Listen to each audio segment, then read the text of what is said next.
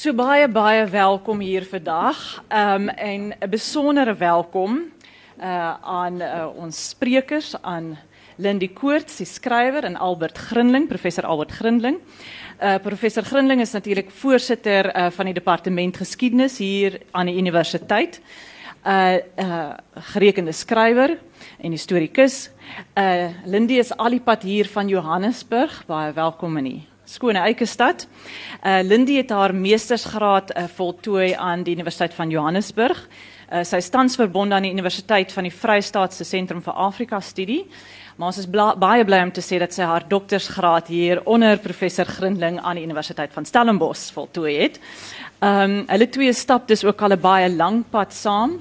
En dit was Albert wat Lindy na Tafelberg verwys het en vir ons laat weet het van hierdie besonderse stuk skryfwerk wat op pad is. En Albert, as ek nog nie vir jou amptelik bedank het nie, baie baie dankie daarvoor. Ehm um, ja, en so beland hierdie dikke manuskrip toe nou daar op my lessenaar. Ehm uh, maar anders as 'n uh, ongelukkige paar ander manuskripte het hy nie baie lank daar bly lê nie.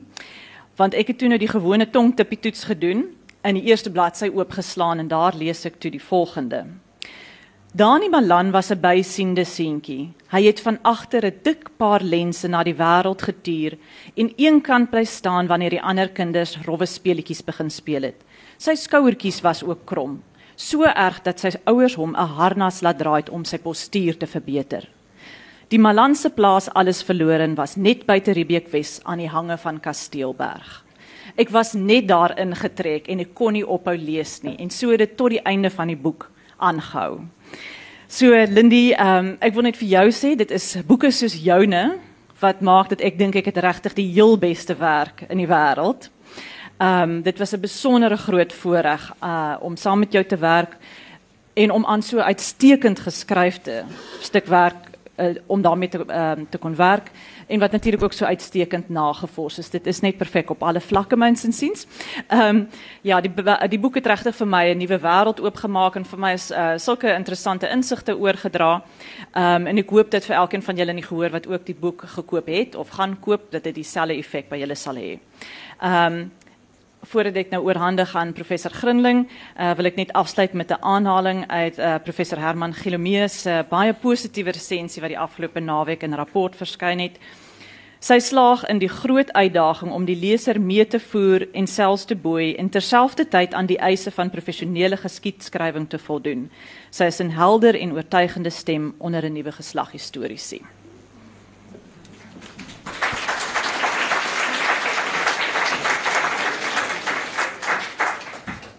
Uh dankie Annie. Hallo Lindy. Ja, uh, geluk met die boek. Baie dankie. Ek ek dink dis 'n groot geleentheid en die opkoms bewys hier is 'n besondere belangstelling. Laat ek begin om te vra as 'n jong historikus. Ek gaan nie sê hoe oud jy is nie, maar as 'n jong historikus uh jy lyk nog jong. Het jy of jy dra jou jare goed? Jy? uh hoekom het jy in hierdie onderwerp van oor ou dokter belang gestel. Partykeer moes dit gevoel het seker as jy weer in 'n donker pastorie ronddwaal en rondtas. Ehm um, ja, wat wat het jou geprikkel in verband met die onderwerp? Baie dankie professor en ek kan sê uh professor Gilomee klaar vir almal dat weet hoe oud ek is. Ehm um, Ja, dit is 'n ek word die vraag dikwels gevra. Ek dink dit dit is vir mense vreemd dat iemand uit my geslag hierin sal belangstel. Maar ek dink juis my geslag het sy eie vrae wat ons vra oor Afrikaner wees en identiteit. En ek moet sê ek beskou myself baie as 'n kind van die oorgang. Ek het my verstand begin kry in die tyd van Suid-Afrika se politieke oorgang in die vroeë of so vanaf die middel 90s.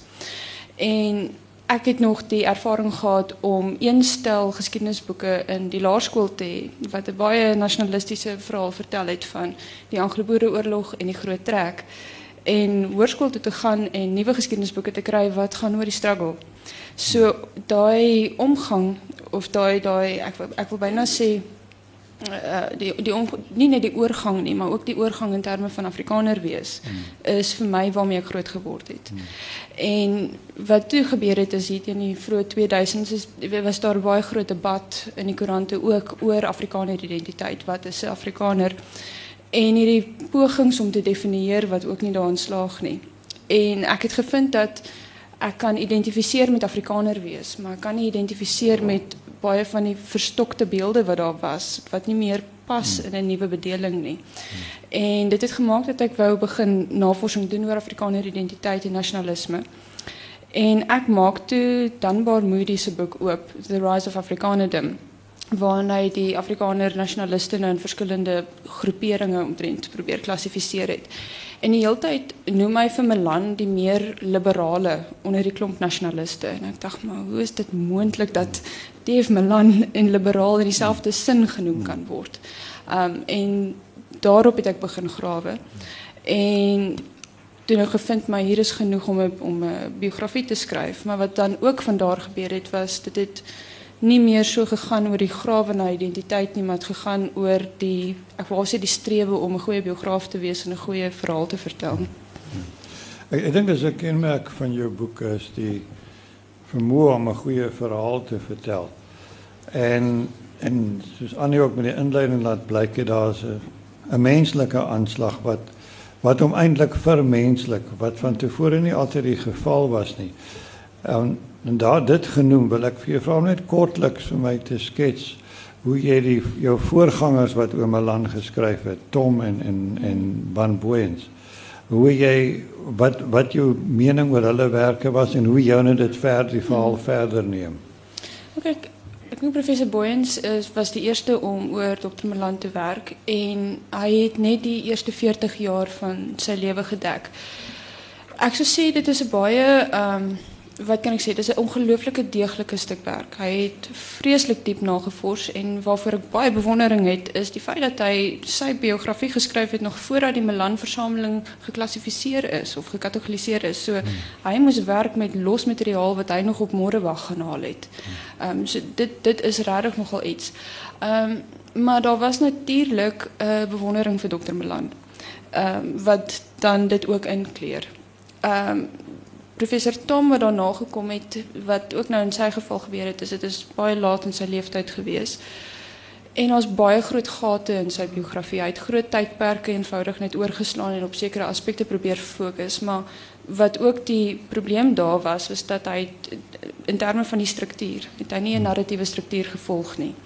Um, en dan gaan het om een bepaalde greepvaste pen. En een mens is niet zo vastpenbaar. Nie. Um, hulle, hulle wissel oor tijd en daarmee heeft hij gesukkel. So toen ik nou hier aankom, toen is dit nou een post-94 context. Um, nationalisme is niet vanzelfsprekend. Nie. Die bewondering voor Dr. Melan is niet vanzelfsprekend. Nie. Maar daar was ook nog niet enige iets volledig van begin tot einde geschreven. Nie. So ik zeg, dit is, ik zou zeggen, die, die, die omvang en die, en die tijdperk wanneer die boek geschreven is, maar ook anders. So die tijdsgeest uiteindelijk beïnvloed hoe je dit ook dan nou zien. Um, laten we teruggaan naar het begin waar hij geboren is, uh, Riebeek West of Riebeek Kasteel. Smats is natuurlijk ook daar en daar. En dus altijd, staan, kom altijd prominent naar voren dat beide hierdie groot figuren van de omgeving afkomen. Is het bloot toevallig? Het is toevallig dat hij daar geboren is. Um, um, maar wel, dit is dit is bitterlik interessant. Ek dink ek ek het probeer dink wat is die verskille en wat is die ooreenkomste? Ek bedoel al, albei se paas was die Afrikanerbond gewees. Albei kom uit die omgewing uit. Ehm en daar's een ander storie wat die twee eintlik so in gemeen het. Die oomblik wat hulle pa besef hierdie seun gaan nie 'n boer word nie. Ehm um, Smits in sy geval het hy met 'n perd gery en nie sy perd afgesaal nie en die arme ding net daar laat staan. Hy was hmm. in gedagte en ek dink weer erns sy neus in 'n boek gaan steek. En sy pa was bitter omgekrap daaroor. So dit was die einde van sy ehm um, weet landbouloopbaan. In 'n land se geval het sy pa vir hom 'n nuwe perd gekoop wat 'n baie groot geskenk is. Dit is soos om vir jou kind 'n kar te gaan koop. En bijna een dag of twee later kom die pa achter, maar hij toch niet eens gaan kijken naar die paard nie en hy het nie verskoning nie. Ek het alles verloren gezien. Die stal is reg langs die huis. En dan stuurde sy pa ook besluit wel jy gaan nie deeg nie. Ja. maar ehm um, ek sou byna ek sou sê beide was binne die gemeenskap. Ek ek op 'n manier kry ek die idee die Melans was dalk nog so 'n bietjie meer welgesteld as die Smitse. Ehm um, het uit 'n sy, sy ma en sy oom, sou ek sê, was vanuit die staanspoor baie sterk andersdenkende persone. So dalk het dit 'n uh, uitwerking op in in sy geval gehad. Ehm um, maar hier wil ek sê dit is die deel waar ons nie die rol van die individu moet misken nie en nie die rol van persoonlikheid moet moet misken nie. Mense is nie net 'n produk van die samelewing nie. Ehm um, en Melan en Smit se twee uiteenlopende paadjies is juis wat dit so duidelik bewys. Dankie Lindy. Uh ons verder gaan en ek dink dis miskien 'n kritieke fase in Melan se loopbaan en denke, sy oorsese ervaring en wat hy daar meegemaak het. Kan jy vir ons net skets wat wat die invloed daarvan was dink jy? Oké, okay, hy is in 1900 is hy na Nederland, so kort na die oorlog uitgebreek het om sy doktorale studies daar te gaan ehm um, volg. En ek dink wat dit was vir 'n baie dit was 'n baie moeilike tyd. Hy het baie vervreemd gevoel van die oorsese samelewing. Hy het homself nooit geïdentifiseer met die met die mense in Europa nie. Hy dit was in die tyd wat die Boereoorlog hier hmm. plaasvind. Hy het so intens meegeleef. Ehm um, en ek dink omtrent homself nog sterker ingeleef met die Afrikaners deur daar ver te sit. Ehm um, en die, en die stryd van ver te moet te moet aanskou en nie daarvan te kan deel wees nie. Wat ek wel dink ehm um, belangrijk is daar in daardie tydperk is is dat hy sien nasionalisme in Europa. En hy sien verskillende volke en hy sien verskillende tale en dit pas in by sy baie ek wou sê romantiese beeld of sy beeld van nasionalisme dit versterk dit daai hele idee van volkeverskeidenheid. Um, en daarmee kom hy terug. En verder wat Europa vir hom doen is dit maak van hom 'n en dit maak hom baie meer oopkop as wat 'n mens anders sou gedink het. Dit is juist waar hierdie liberale Milan wat 'n mens anders sou verras um, vandaan kom. Hmm. Ja, ek wil later weer terugkom na die nasionalisme toe. Um, maar daarna het hy predikant gewees op Graafrenet en Burger en as redakteur en toe gaan hy nou uh, word hy politikus. Was dit vir 'n moeilike besluit geweest want jy kry 'n nasionale party dikwels predikante gekry en dit is byna 'n soort van 'n dieselfde tipe beroep en as jy sin jy met mense oortuig, jy weet. Maar was dit vir hom nogal 'n 'n sielswroeging om tot die besluit te kom? Dit was vir hom bitter moeilik. Dit is eintlik nogal die regte woord. Hy is omtrent beroep tot die politiek. Hmm. Ehm um, hy was in sy persoonlikheid nie iemand wat baie gehou het van verandering nie. So om enige groot enige besluit was vir my 'n enorme ding om deur te gaan. So was baie wroging wat met alles gepaard gegaan het van sy keuse om teologie te studeer tot die predikant word ook. Ehm um, en daar's een ding wat vir my interessant was en dit bring ons net effens weer terug na die Nederlandse invloed. Is toe hy in Nederland was, het hy by 'n teologie professor ehm um, geloseer. En die professor het 'n lesing gegee oor die stryd tussen Agab en Elia in die Bybel en vir Agab uitgebeeld as die staatsman en Elia as die godsman en dat die twee totaal onverzoenbaar is. En by hom tel Melanie die idee op dat die politiek is iets smetliks, dis vuil, jy kan dit nie met jou geloof versoen nie. En toe hy nou jare later um, het die nasionaliste in die Kaap besef maar hierdie jong man het al die potensiaal. Hy het die uit absoluut die gravitas en die autoriteit, hy die intellek, ehm um, hy die die passie vir die taal hulle het hom op die politieke verhoog probeer bring en hier sit hy weer van vooraf met hierdie hele ding. Hoe versoen ek my geloof en my wens om in die politiek te wees? En dit was dit was nagte op sy knieë deurbring en bid werklik waar. Um, maar hy het ook 'n stortvloed van briewe gekry. En een brief na die ander sê kom red ons volk kom help ons jy sien ons wat ons kan doen. So met hierdie een enorme ek wou sê uh, druk op hom het hy dan nou toegegee maar later in sy loopbaan ook wanneer hy van Hertzog moes wegbreek weer. Die hmm. wroging wat daarmee gepaard gegaan het was absoluut enorm. Hmm. hy is nie iemand wat sommer van rigting verander het nie. Maar as hy van rigting verander het het hy ook nie sommer weer teruggekyk nie. Ja. Uh ek wil jou vra rondom kwessies van arm blankedom want hy was baie betrokke geweest daarbey wat sê jy sê was sy motivering? Was dit 'n sin vir gemeenskap dat hy die gemeenskapsdiens of of was daar 'n breër tipe uh besorgdheid uh, in terme van wat word van die volk? Hoe het dit geformuleer en en en hoe hy dit geregverdig? Nou daar's daar's twee kante daarin. Daar was hy het werklike empatie met hierdie mense gehad. Sy seun het geskryf dat hy kon werklik waar omtrent tranerig raak as hy gepraat het van hierdie mense se armoede. So die daar daar is 'n menslike aspek daarin, maar ek wil half sê die besorgdheid oor die arm blankes is baie sterk nasionalisties. Want vir Malan was sy grootste passie was die volk. Um, en hy het geglo sy roeping is om die volk te wys om die hand van God in sy geskiedenis te sien en die volk met God sy Godgegewe roeping uitleef. En die die volk is 'n organiese geheel. Dit is soos hy uit op een stadium te gepraat daarvan van die volk as 'n lewende organisme. En die arm blankes word dan die swart die skakel. Um, en hy het dan ook gepraat van as die een ledemaat ly, dan ly die hele organisme of die hele liggaam ly daarmee saam. So dit is nodig om die arm blankes op te hef as jy die Afrikaner wil kry om sy roeping te vervul. Ehm um, en en ek dink dit is dit bly deurent tyd. Die twee loop absoluut hand aan hand. Aan die een kant hierdie strewe na nasionalisme en aan die ander kant om nasionalisme te kan uitleef. Ehm um, moet jy mm. na die arm blankes omsien mm. want jy gaan jy weet dis dis dis stap 1 om by stap 2 uit te kom. Ja, ek wil miskien net 'n loops opmerking maak uit my eie werk dat uh, dat uh, wat ons gister oor gepraat het oor hongerresies. Ehm uh, wat my opgeval het en ek het eers later het vasgestel dat Beyers nou die was ook gekant teen hongerresies. En uh, en dit hang saam met hierdie idee dat uh daardie segment van die bevolking is 'n swak skakel en en en jy moet jy, jy moet hulle ophef. Wat wat natuurlik suksesvol gedoen is, maar dit bring ons weer by die punt van van nasionalisme. nou ehm um, daar sal jy wat vertolkings daaroor soos jy weet. En een van die vertolkings is die idee dat nasionalisme 'n konstruksie.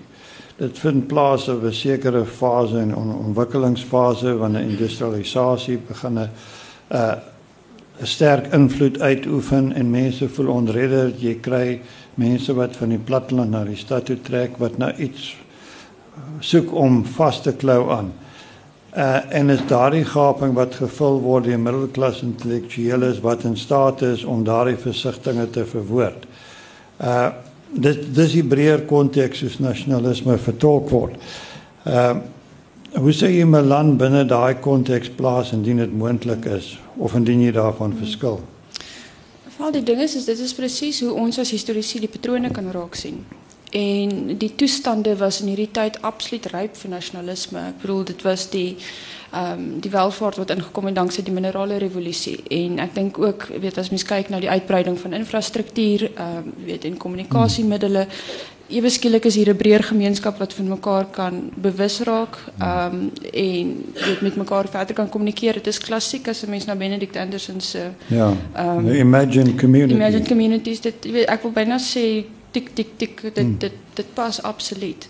Maar vir die mense wat daar binne dit sit, hulle hulle ek dink nie hulle verwoord dit of dit besef dit so nie. Vir Milan was dit absoluut ehm um, weet hy hy's baie sterk beïnvloed deur die uh Duitse romantisisme.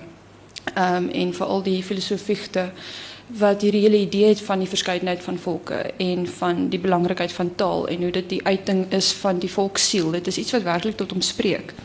Ehm um, so die mense wat ek wou sê die die mense wat binne hierdie ding beweeg, beskou dit as iets spontaan. Hmm. Ehm um, ons wat daarna kyk kan sê maar ons sien hoe die omstandighede ehm um, weet hmm. daartoe aanleiding gee. So dit is dit is iets van by van albei in daardie opsig. So mens moet daai distansie handhaaf maar ook verstaan hoe dit van binne af beredeneerd ja. is. Ja.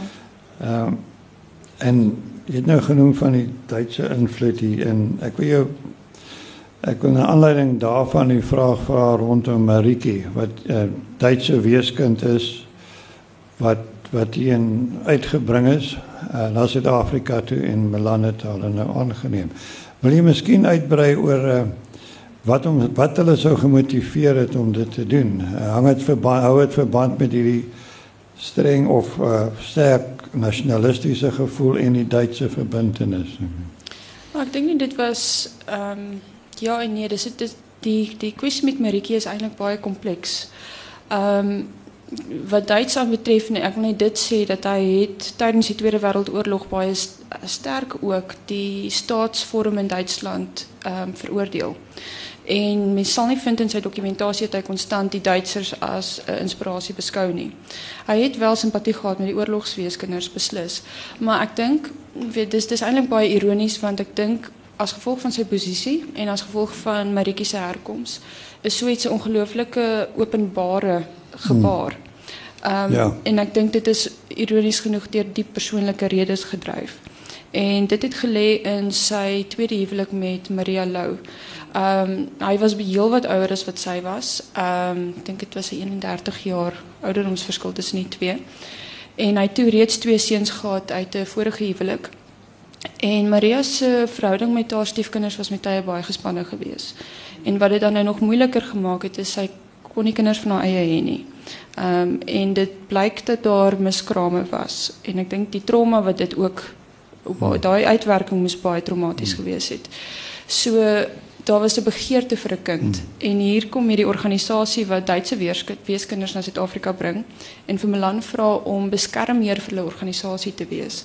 So dit is dit is 'n geleentheid en ek dink hulle daardie geleentheid geneem om 'n kind aan te neem. Dit was vir Marie, vir Maria baie groot ding. Sy het gepraat dat um, sy het gevoel die dag toe sy vir Maritjie gaan haal het dat sy geestelik geboorte aan haar geskenk het. Hmm.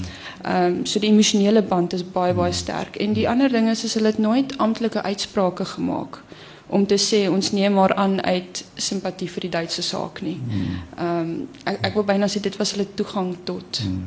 tot 'n kind van hulle eie. Hmm dit dit dit kon enige ander kind ook gewees het sê jy. Dis moontlik. Ja. Ek ek um, kyk mis mis mis sal vra waarom het hulle dan nie andersins se kind hmm. probeer aanneem nie. Hmm. Dalk het hulle gedink gaaf hier slaan 'n mens twee ja. vliee met een klap, maar dit is nou waar ek moet begin spekuleer. So ver hmm. kan ek nou nie ja. kan ek nou nie gaan uit die bronne uit nie. Op op daardie onderwerp ehm uh, Blydenis Amandi. Die minister van sogenaamde hoër onderwys in die land. Ja. het uh, onlangs 'n uitspraak gemaak na aanleiding van debakel by Pik waar er nog nasies skuil. Uh dit is dat um, die nasionale party en die Osoba brandwag het 'n baie nou verhouding gehad. En Milan het hierdie verhouding eintlik dis wat hy impliseer, maar maar men, hoe ernstig moet mens dit opneem? Wel, ek sou sê hulle het aanvanklik gedink hulle kan dit maak werk en dit hulle suur geraak vir mekaar. Hmm. Ehm um, mm. die realiteit is veral in die vroeë fase van die Ossewa brandwag was die meeste nasionaliste was ook lede van die Ossewa brandwag. Ek glo hy het begin as 'n kultuurorganisasie. Ehm um, en wat die, wat ook interessant was is dit was in daardie tyd wat ehm um, die nasionale party ook sy strukture weer begin hersien het en toe sommer van die Ossewa brandwag se struktuur oorgeneem het want hulle agterkom dit werk baie goed. En van die prominente nasionaliste wat binne die Ossewa brandwag was, was einste seer swart en die jong PW Botha, dis hy wat hmm. nogal juist die struktuur van die OB af oorgeneem het vir die NP. Maar toe begin die Ossewa brandwag sy hand te oorspeel met die nasionaliste. Ehm um, weet daar was weet dit het toe kom Hans van Rensburg en word word leier daarvan met 'n baie sterk affiniteit vir die totalitair totaler nee, autokratiese staatsvorm my tong gaan knoop vanaand vandag. Ehm um, so hulle hulle was aangetrokke tot nazisme en dit is waar dit begin botset met Milan se so politieke opvattinge want het dit beskou as volksvreemd. Ehm um, en dit het gelei tot 'n magstryd tussen die twee partye. Die nasionaliste het uit, in Lourdes uit die Ossewa brandwag uit bedank.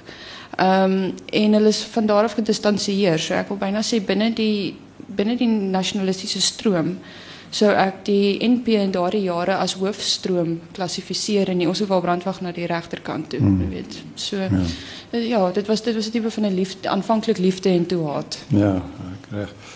Dankie ek uh, ek wil nog een of twee vrae vra onvermydelik moet mens iets te berde bring oor apartheid. Ek weet jy het in 'n ander gesprek vir my gesê dat uh, Malan was soort van 'n poster boy vir apartheid was hard to imagine that, maar in elk geval.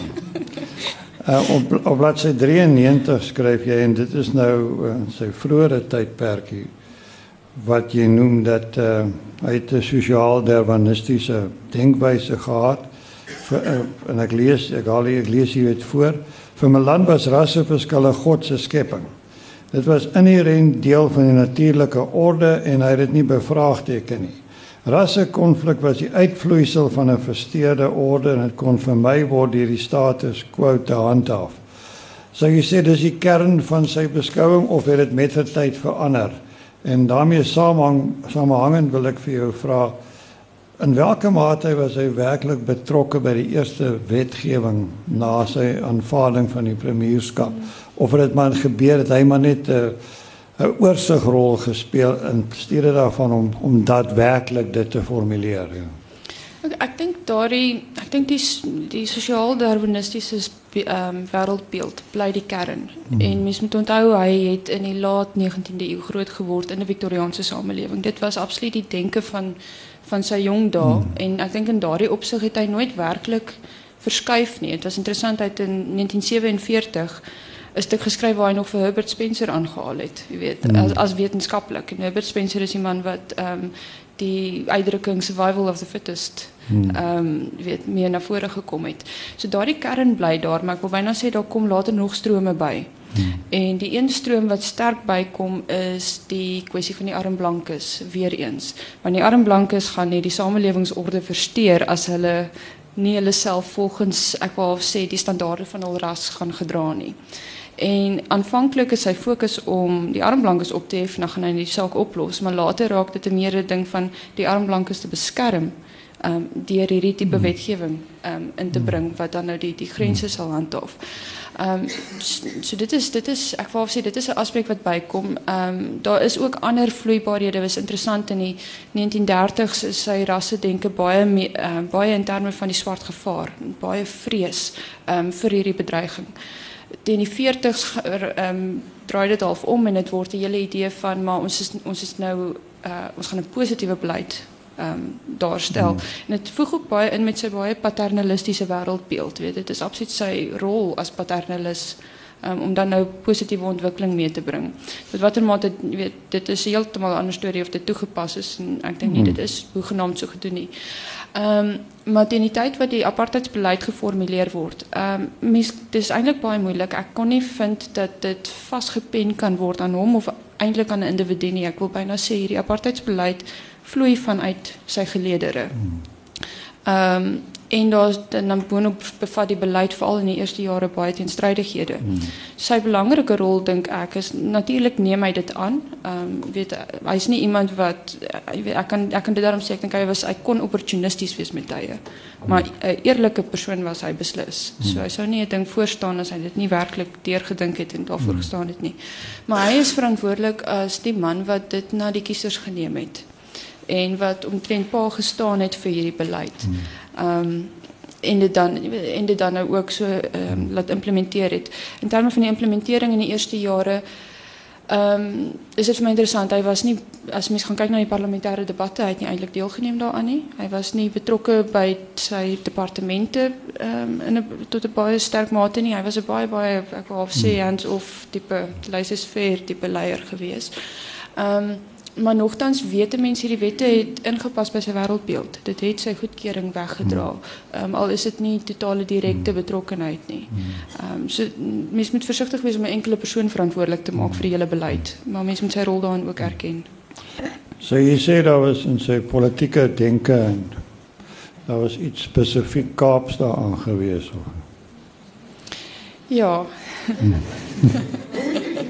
Dis 'n kort antwoord. Ehm um, Nee, ek hy was uit en uit 'n Kaapenaar. Dit was dit was interessant. Daar was so kort stukkie uh net toe uit Europa uit teruggekom het, vol besiel met nasionalisme wat hy in Heidelberg in Transvaal was hy vir 6 maande hul predikant. En hy was in vervoering met die Transvaalers. Hulle was vir hom die wonderlikste Afrikaner nasionaliste.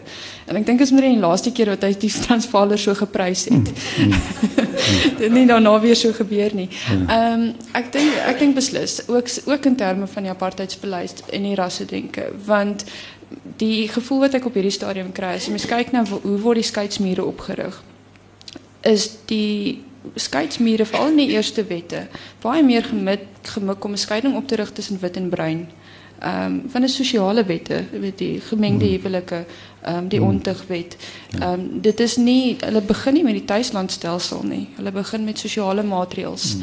en waar is die meeste vloeibaarheid in die Kaap ja. tussen arm blankes en tussen bruin mense. Ja, en dis iets wat gestop moes word en dit het uitvloeisels later gehad. Ja. Uh Lindy voorlopig baie dankie vir 'n baie goeie betoog en on, dankie vir julle meelewing en teenwoordigheid. Dankie. Baie dankie. Ja.